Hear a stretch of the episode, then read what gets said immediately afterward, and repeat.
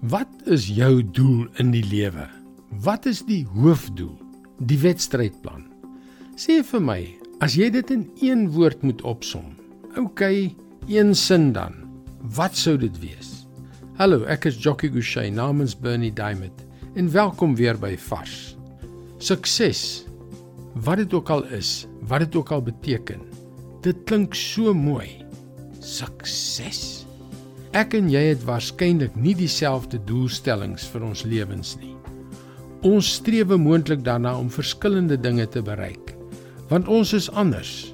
Maar wat ook al ons drome is, ons wil dit bereik.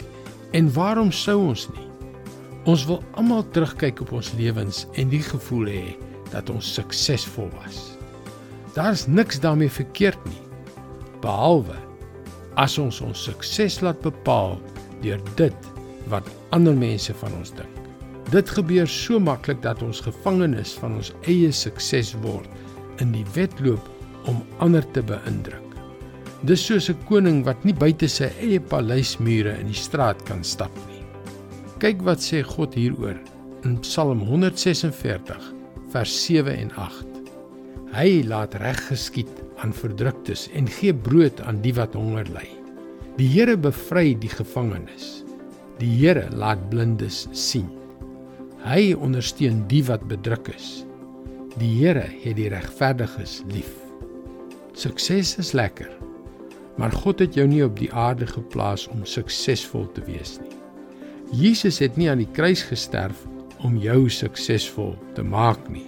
Hy het gesterf en weer opgestaan om jou te help om jou te voed, om jou vry te maak. Hy het dit alles gedoen sodat jy sy verlossingsplan kan verstaan en jou eie maak. Ek gee toe om sukses te smaak is lekker. Maar dit is nie die belangrikste wedstryd wat jy ooit in jou lewe gaan speel nie. Jesus het gekom om jou vry te maak.